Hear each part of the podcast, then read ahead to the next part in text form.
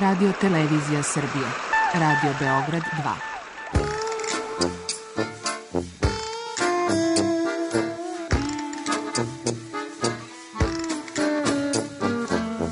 Rekli su mi, gospodine, vi ste promašili temu. Pa ja sam onda promašio život.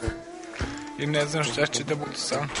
Kaže, ja ne mogu više te čuvam. Šta da ti radi, kaže, stavi se kako znaš. Mi smo kao u kafesu. Za nas to je najmrtvo. To je mrtvo za nas. Naročito. I ja bih želela neko da me usvoji. Da bih želela. Govori da bih te video. Program dokumentarnog zvuka.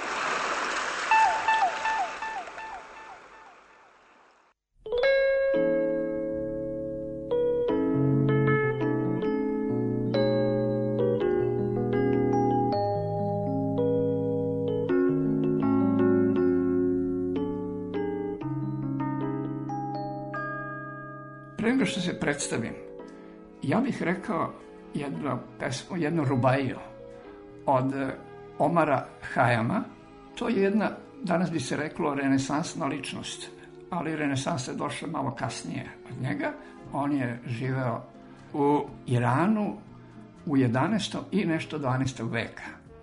Ja mislim da bi ova rubaija možda mogla ovaj, da kaže ono što sam ja sada trenutno i što sam u ovom mom životu prošao. A to kaže ovako. Gorom dolom ja sam mnogo obišao. Svet nigde bolji, gde god da sam došao. Ni moj život nije bez muka bio, ali ipak dobro, dobro prošao.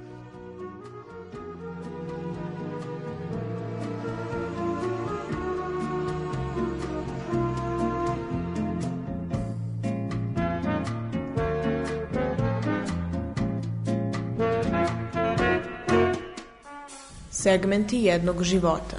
Govori Zoran Srdić.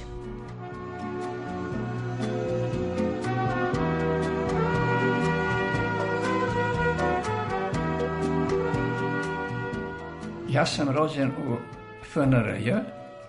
Najlepše dane sam proveo u SFRJ. Na tu državu svako ima svoj pogled. Moj pogled ovaj, da sam tad verovatno bio, bio sam i mlad i sve, I hoću samo da kažem da smo mi u toj državi, kogod živao svi ove narodi i narodnosti u toj državi, su imali slobodu kretanja na hiljadu kilometara, jedan novac, bez granica i ako je to uopšte važno, ta država imala najmanje 15 unutrašnjih aviolinija. Ako ni zbog čega, trebalo je zadržati tu državu, bar zbog tih o, stvari. Jer ja sam volao da putujem, volao sam, bio sam radoznao čovek, i svašta sam proživao. Ja sam uvijek tako bio, da vam kažem, nekako čudan, mislim čudan, nisam baš čudan, ali u svojoj porodici, evo na primjer, iz moje uže porodice, znači otac, majka, brat, niko njih nije kročio nogom van granica bivše SFRJ. Ja sam putovao iza njih. Vodio sam se jednom kineskom poslovicom koja kaže da 500 reči ne može zamjeriti jednom viđeno. Tako da sam se ja potrudio u toku svog tog života da ono što mogu da vidim, a ovaj da vidim uživo. Isto tako, ja sam volio da čitam. Ovaj, kao mali sam ja ovaj, uvijek bio ovaj, nađem novine na ulici i sedem i čitam. Zato to mislim, to je tako, eto nešto, šta ja znam, tako je to bilo, da li je urođeno, šta ja ne, ne mogu da objasnim u mojoj porodici redko je ko neku knjigu, mislim, proč... oni su bili obavešteni ljudi to sve, ali nisu čitali knjige, na primjer. Evo ja mogu da vam kažem neki primjer. Počeo sam da zapisujem ove, šta sam pročitao negde krajem 80. godina ove, i ima zapisano 1100 knjiga. Ove, otprilike to sam, ove, na primjer, eto i tu sam bio iznimka. Tamo gde sam radio u, u Belju, na primjer, isto, na primjer, tu niko nije se ponašao kao ja, u smislu, niko nije, svi su to ljudi, manje više porodični ljudi, i svi su volili da idu na godišnje odmore u, ono, sezoni.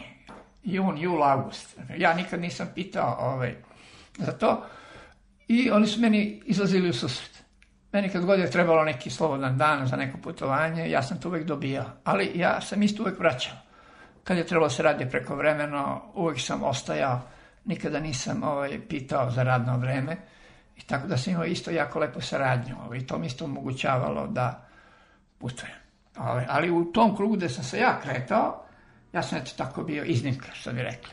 Eto, tako malo sam štrčao. Ja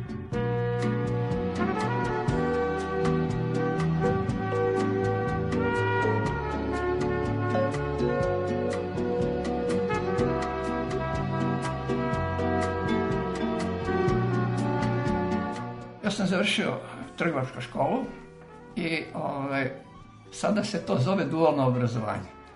Mi smo imali praksu, znači išli smo prve dve godine po četiri dana škola, dva dana praksa. Za vreme raspusta imali smo obaveznu praksu, znači zimski raspust je bio 21 dan, on je trajao od 15. januara do 6. februara i onda smo imali 7 dana raspust, 14 dana radite. Ovaj, letnji raspust, on je trajao od 20. juna do 6. septembra, e onda vi imate mesec dana odmor, a mesec i po dana radite. I to bio jedan lep, što bi rekli danas, drill.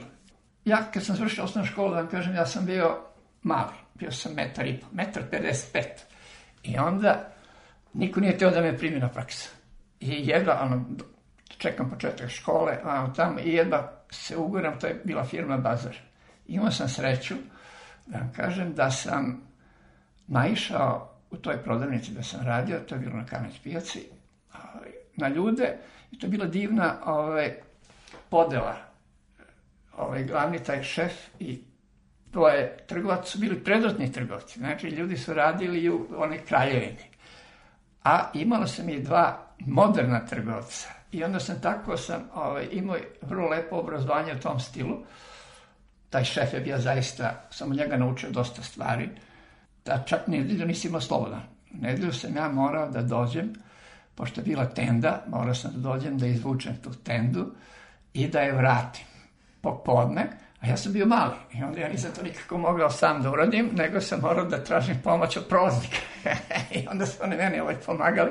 Znači, vi ste morali ujutru da dođete pre, on, mislim, ono, se, 9 sati kad izlazi sunce i onda, pa ja kažem, zašto, ako ja mogu sutra da dođem da to vratim? A kaže, ne može, ako bude oluja ili nevreme, to će da se pokida, ti mora da dođeš da to vratiš.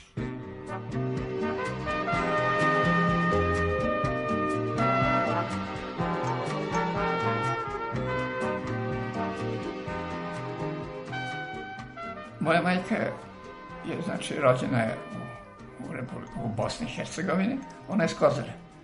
I na Kozari, verovatno svi znaju šta je bilo 42. godine, bila je nemačka ofanziva i njene su roditelje oterali u logor u Jasenovac i onda je ona ostala faktički, kuća je bila zapaljena, imala je sestru, njena sestra je otišla u šumu, mislim, otišla je tamo i ta njena sestra, mislim, se porodila u šumi, da ne verujete. I moja majka je imala neku prijateljicu i onda su rekli, ajde ti Petro, ona se zvala Petra, a ima jedna latinska izreka koja kaže nomen est omen. E, Petra na ovaj, grčkom znači od kamena. Znači, jaka žena i stvarno ona je zaista imala izuzetan karakter, bila stvarno mnogo jaka žena. Ovaj, zaista. I moji roditelji su došli u Beograd posle rata. Ja sam rođen u Beogradu i mi smo stanovali u nekim zajedničkim stanovima. E, pošto su moji roditelji među vremenu otišli u penziju, ovaj, mi smo ostali tu. Moja majka, kako sam rekao, ona je bila jako ovako jaka žena, ljuti krajišnik. I onda jedno jutro nas za ruku i u generalštab.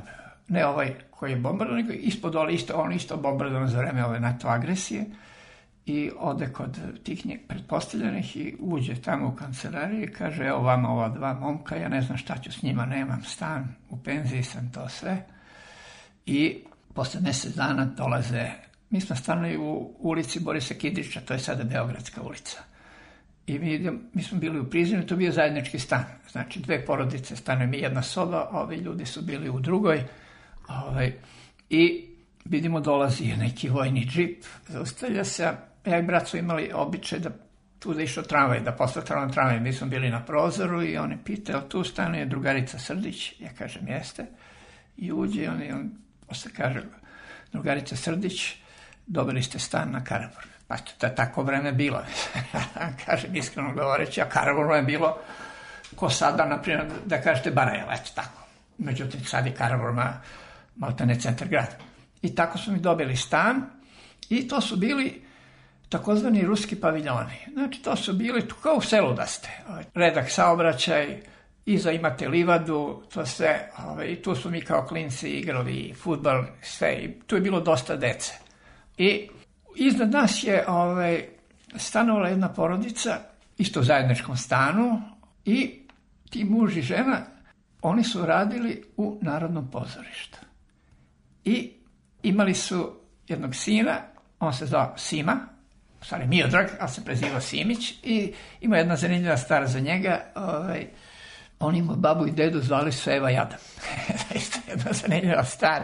Ovaj, I tako da sam ja imao sreću ovaj, sa tim ljudima i onda meni taj Sima, a ja sam eto tako isto imao nekako, ne znam, od malena neku ljubav prema nekim tako malo da se izrazim težim stvarima, šta ja znam, nikad nisam volio neke te pesme, one hitove vamo, tamo uvijek sam volio neke, na primjer, kako bi se rekli, neke šansone ili tako nešto, znate, nešto, eto, tako, eto, šta ja znam. Uvijek mi je dobro išao taj srpsko-hrvatski u to vreme i to sve, ovaj. I onda je meni taj Miodrag Simić otkrio Arsena Dedića. Arsen je izdao prvu long play ploču 69. godine, zvala se čovek kao ja, i on imao ovaj, soli, Išao sam zajedno sa tim Simom na njegov solistički koncert koji je držao u Domu sindikata 68. godine. Ja sam tada imao 13 godina. Ali međutim, kao da sam prepoznao tog čoveka, šta znam, i tu vrstu muzike. Ovaj, I tako da sam ja onda kroz ceo život pratio Arsen je imao izvredne koncerte ovaj, po Beogradu i to su bili jako, jako lepi koncerti i kaže, meni je drago da sam bio njegov savremenik. I evo, mogu da vam kažem, on je bio čovjek autoironičan. On ima jedno izvaredno veliko delo iza njega. Evo, u spomen na njega mogu da, pošto on je bio čak i pesnik i sve, mogu da kažem jednu njegovu autoironičnu pesmu. Kratka je, ali je vrlo ovako poučna. Kaže, zove se pesma Pjesnici po zaštitu, napisana 80. godine. Kaže ovako, jednom su pjesnici živeli kratko, ali su im pjesme živele dugo. Jednom su čak i ubijali pjesnike, ali sada je već nešto drugo. Danas pjesnici žive pod zaštitom. Na što se slavna sudbina svela? Sada mnogi velikani nažive svoje dijela. Ja ne učim pesmu napad, ne, ne, ne, ne uzmem knjigu pa učim. tako. Ovaj, pročitam i tako je to. Ostane neka pesma, ostane neka ne ostane i to. Poklanjala si, al si krala I nevjerna si bila ti. Ne suviše mi nisi dala O mladosti, o mladosti, o mladosti moja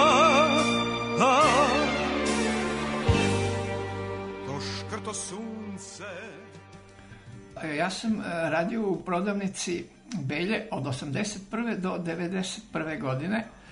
Pik Belje, da vam objasnim, To je jedna od najstarijih firmi bila u bivšoj Jugoslaviji. Na grbu tog Belja piše godina osnivanja je 1697. godina. A Belje, za ljude koji ne znaju, to je bio najveći poljoprivredni kombinat posle PKB u bivšoj Jugoslaviji. U tom Belju kad sam ja radio, tu je bilo oko 5000 radnika u to vreme.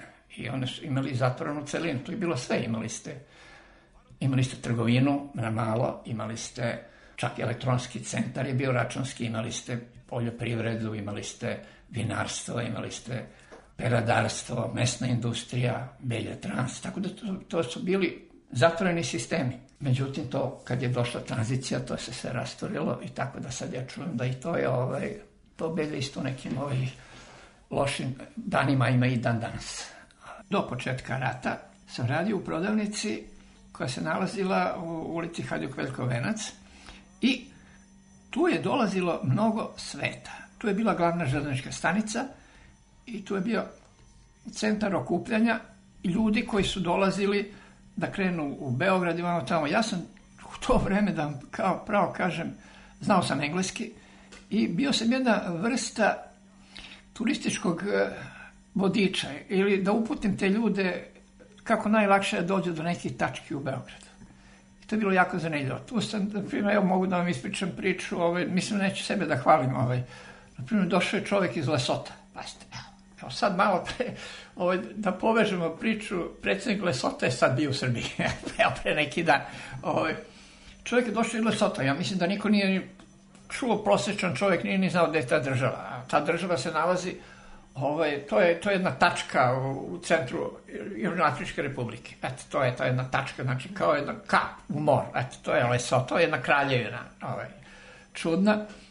I kad sam ja rekao ovom čoveku, glavni grad Lesota, zvao se Masero, evo znam ga i dan danas, kad sam rekao ime predsednika i kralja te države, on se čovjek iznenadio i on je bio u Beogradu 3-4 dana I oni uvek dolaze kod mene u prodavnicu. Znači, tako da sam ja ovaj, spajao lepo i korisno. Evo, mogu da vam ispričam isto jednu lepu kratku pričicu o tome. Futbaleri Hibernijana sa Malte, oni su igrali sa Partizanom. Ali pošto nisu bili letovi za Maltu, oni su bili, 5 dana su morali da ostanu u Beogradu. Do sledećeg avionskog leta. Oni su bili u hotelu Turist. On se nalazi u Sarajevskoj ulici, a moja radnja je ovamo, to je 500 metara, 600. Međutim, oni su mogli da, pre moje radnje, bilo je deset radnje. Međutim, oni su uvek dolazili kod mene u radnju. Jer ja sam bio, svoje vremeno sam posjetio Maltu, pa sam njima pričao o Malti, tamo, tamo, imao sam i, tad je bilo nesreća Coca-Cola. Međutim, ja sam uvek imao neku vezu, nabavio sam tu Coca-Cola i onda oni lepo dođu, uzmu ceo karton Coca-Cola, odnesu u hotel, ovaj, popiju i ja kažem, molim samo da mi vratite te ovaj, ambalažu, oni kažu, nema problema. I oni su s pet dana, svaki dan su oni dolazili tu u prodavnicu, tako opet vam kažem, spojio sam lepo sa koristim. Znate. I to je bila jako lepa atmosfera. Kažem, to imali ste maltene ceo svet na dlanu. Dole su iz Brazila, iz Ekvadora, vam ne pričam odakle sve ne. Kad sam radio gore na Banom brdu u Belju, isto tako. Tu su dolazili cijeli, mnogo poznatih ljudi. Dolaze Nada Knežević, Lola Novaković, Dragan Antić, pokojni Ivan Stambolić, Zoran Kalezić, Tako, pošto su mi, ta prodavnica bila, ovaj, da ti kažem, e, e, vrlo popularna u smislu da je to bila kao zapadna prodavnica sa sličičko vreme. Uvek napunjena, dosta robe, sveže robe, besprekorno ovaj, sređena, to koliko da si, na primjer, otišao u neki London. Eto, tako je ta bila prodavnica tu, razumeš. Ovaj. Evo, na primjer, s Nadom Knežević, ja sam kod Nade Knežević išao kući. Na primjer, ja sam njoj Jer ona dođe kaže, gde je Zoki? ovaj, da ja nju služim, na primjer. I onda, pazimo, zanimljiva priča, ona i Lola Novaković, one se nisu nešto mnogo podnosile, znaš. I onda oni nekad dođu u isto vreme. ja kažem, ovaj, ja pobegnem. Rekao, recite da nisam tu, jer da se ne bi oni svađali, da ja da se ne bi svađao oko njih, znaš, mora postaviti pažnju jedno i drugo, one nešto ne govore, znaš, i tako da, eto tu. A dole u Sarajevsku gde sam radio, tu sam ja radio, isto sam tako, ovaj, povezao sam eto tu kao neku umetnost. Ja sam, na primjer, na svaki 7-8 dana stavljao neke pesme u izlog. Sam napisao neki pesnika, na primjer, ovaj, stavim to u izlog. A u izlogu sam, na primjer, ja komentarisao ovaj, događaje koji se događali ovaj, u zemlji, na primjer, razumeš, onda tako, te male eseje napišeš, ovaj, staviš cenu, roba, vamo tamo. I onda sam ja rekao, tad je bila neka stabilizacija u to vreme i onda je, ovaj, su mi napisali veliki ovaj pano, rekao, ne verujte običanjima vaše vlade, kupite robu na vreme jer će sutra sve da bude skuplje. Znaš. E, i onda ovaj, umeđu vremenu neko je to pročito, negde javio šta ja znam, kad dolazi posle tri dana u radnju, pita ko je on napisao? Pa ja rekao, ne znam, ove, ste vi, ovaj, a ne, kaže, mi smo i radio Beograda. Kaže, pa rekao, ja sam napisao, ne, mislim, nije problem. Mislim, rekao, da niste možda udba bija, šta ja znam, je, znaš. Kaže, ja sam napisao, nije nikakav problem. Ovaj, rekao, stojim za svake reči tu. Kaže, da li biste vi dali izjavu? I kaže, i oni mene tako snime.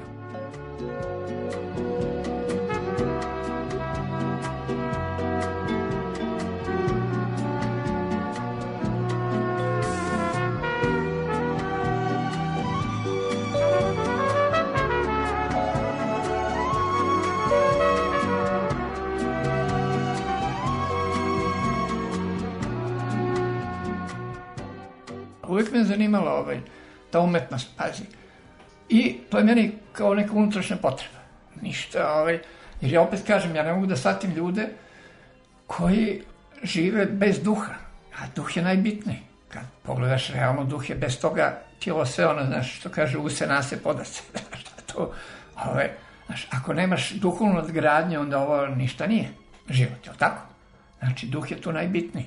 I tako sad, eto, tako ja, šta ja znam, ja, ja, ja imam te neku potrebu. Mene to niko nikad nije ni terao, niti me, ovaj, jurio, ja, jednostavno, ja volim tako i da odem, da čujem pametnog čoveka, da čujem, čitam dobru knjigu, čujem dobru predstavu, ovaj, sve što ima veze sa nekom umetnošću, meni to nije, nije strano.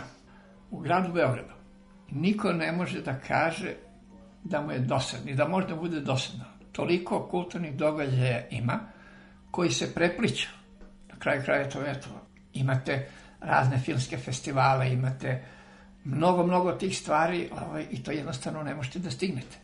A ima još jedna dobra stvar ovaj, kod nas, još uvek ima nekih besplatnih programa. Imaš studentski grad, na primjer. Da imaš dom kulture, studentski grad.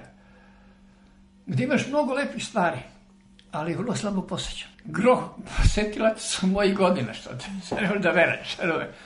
Da vam kažem, u tom doba socijalizma je bilo nešto ujednači, ujednačenije. Bilo isto dosta događaja, ali su cene bile primerene.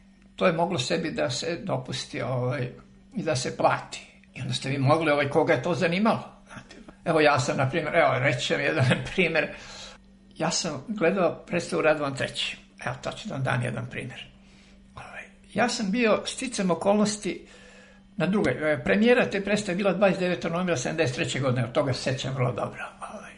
Ja nisam bio na premijeri, gledao sam ovde drugu, treću predstavu. I prvih 15 predstava Radovana trećeg je ono, prošlo traljavo. Nešto, nije bilo to bog zna kako. I onda je, ovaj, mislim su čak i da je skinuo sa repertoara. Međutim, onda su našli, ovaj, pošto je Zoran, ovaj, da improvizuje vamo tamo i onda je to postalo jedna kultna predstava. I ona se igrala, evo znam i to, zadnja predstava se igrala 9. juna 85. godine, jer Zoran je bio jako bolestan. Ovaj. I zadnju predstavu je jedva izdržao. Čak su morali, atelje, to je bio stari atelje 212, imali su krov pokretni. Znači oni su morali da otvore taj krov da bi imao vazduha, da bi mogao da izdrži predstavu do kraja. I nedugo posle toga je on se predstavio, ovaj, umro je. I to je bila 299. predstava koje je igrao Zoran Radmilović.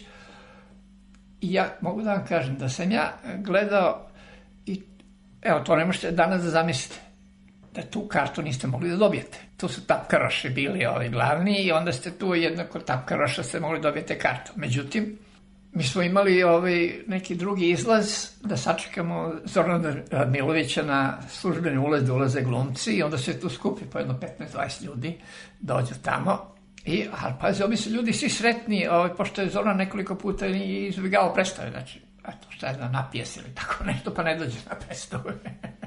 znači, I onda oni kad ga vide u sretni, obiće predstave, došao Zoran, tamo sve.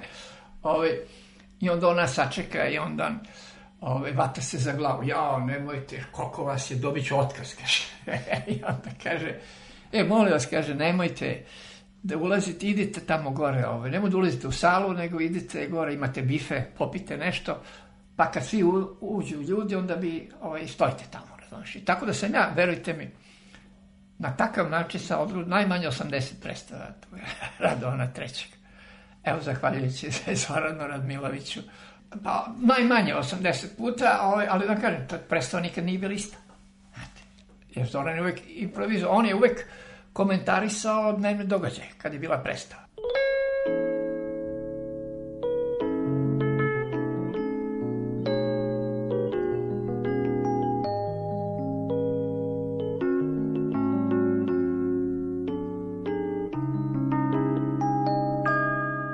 Evo, ja sam proputao dosta toga. Mislim, bio sam neki 60 zemalja u svetu. I da vam kažem, moje prvo putovanje je bilo 74. godine u Lore de Mar, Barcelona, ovaj, za kojeg sam ja mislio da će biti poslednji. Tako sam razmišljao. Međutim, onda se to pokrenulo, okrenulo i onda sam ja tako krenuo da putujem, da obilazim ovaj, dosta toga. Tad je bila, da vam kažem, povoljna situacija jer se čak mogli da putujete i na kredit. Tako da sam ja, ovaj, za razliku od današnjih ljudi koji su zaduženi u švastarskim francima i imaju muku sa kreditima, ovaj, to su bili kratkoročni krediti koje sam ja na moju sreću mogao da otplatim i da nije bilo neke velike kamate. I zahvaljujući tome sam ja obišao dosta toga. U tim 90. godinama je bilo jako teško. Mislim, ja sam, ja sam i tada ovaj, iznalazio neke mogućnosti da putujem, ali sam ovaj, je to što kažu bilo na mišiće. Ali smo putovali, opet našla se, ovaj, ja sam između ostalo eto bio u Indoneziji, pa sam bio malo, Grčku sam obilazio u to vreme.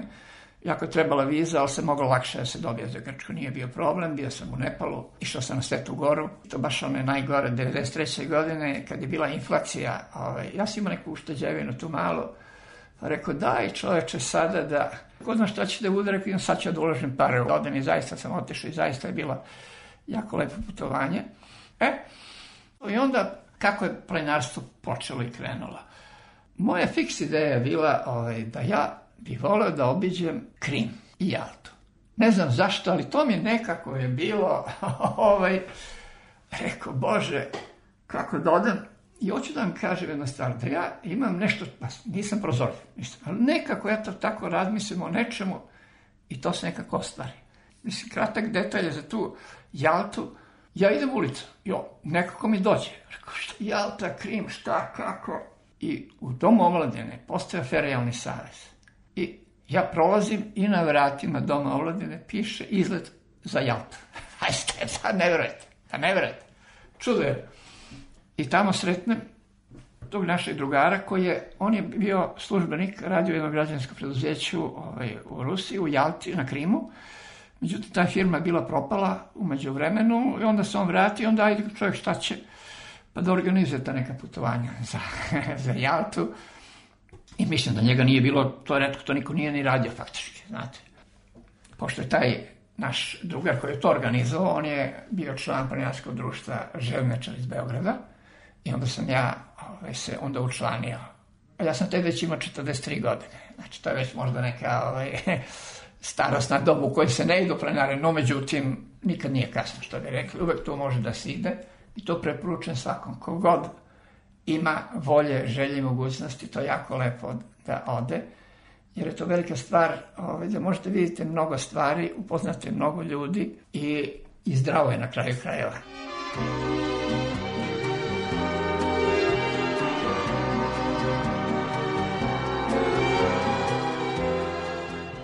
Da ovu emisiju završimo kao što smo i počeli sa uh, stihovima. A stihovi kažu ovako. Ako sam to taj ja, gori, drugčiji, sroza, zadovoljan sam sobom, a ja sam rigorozan.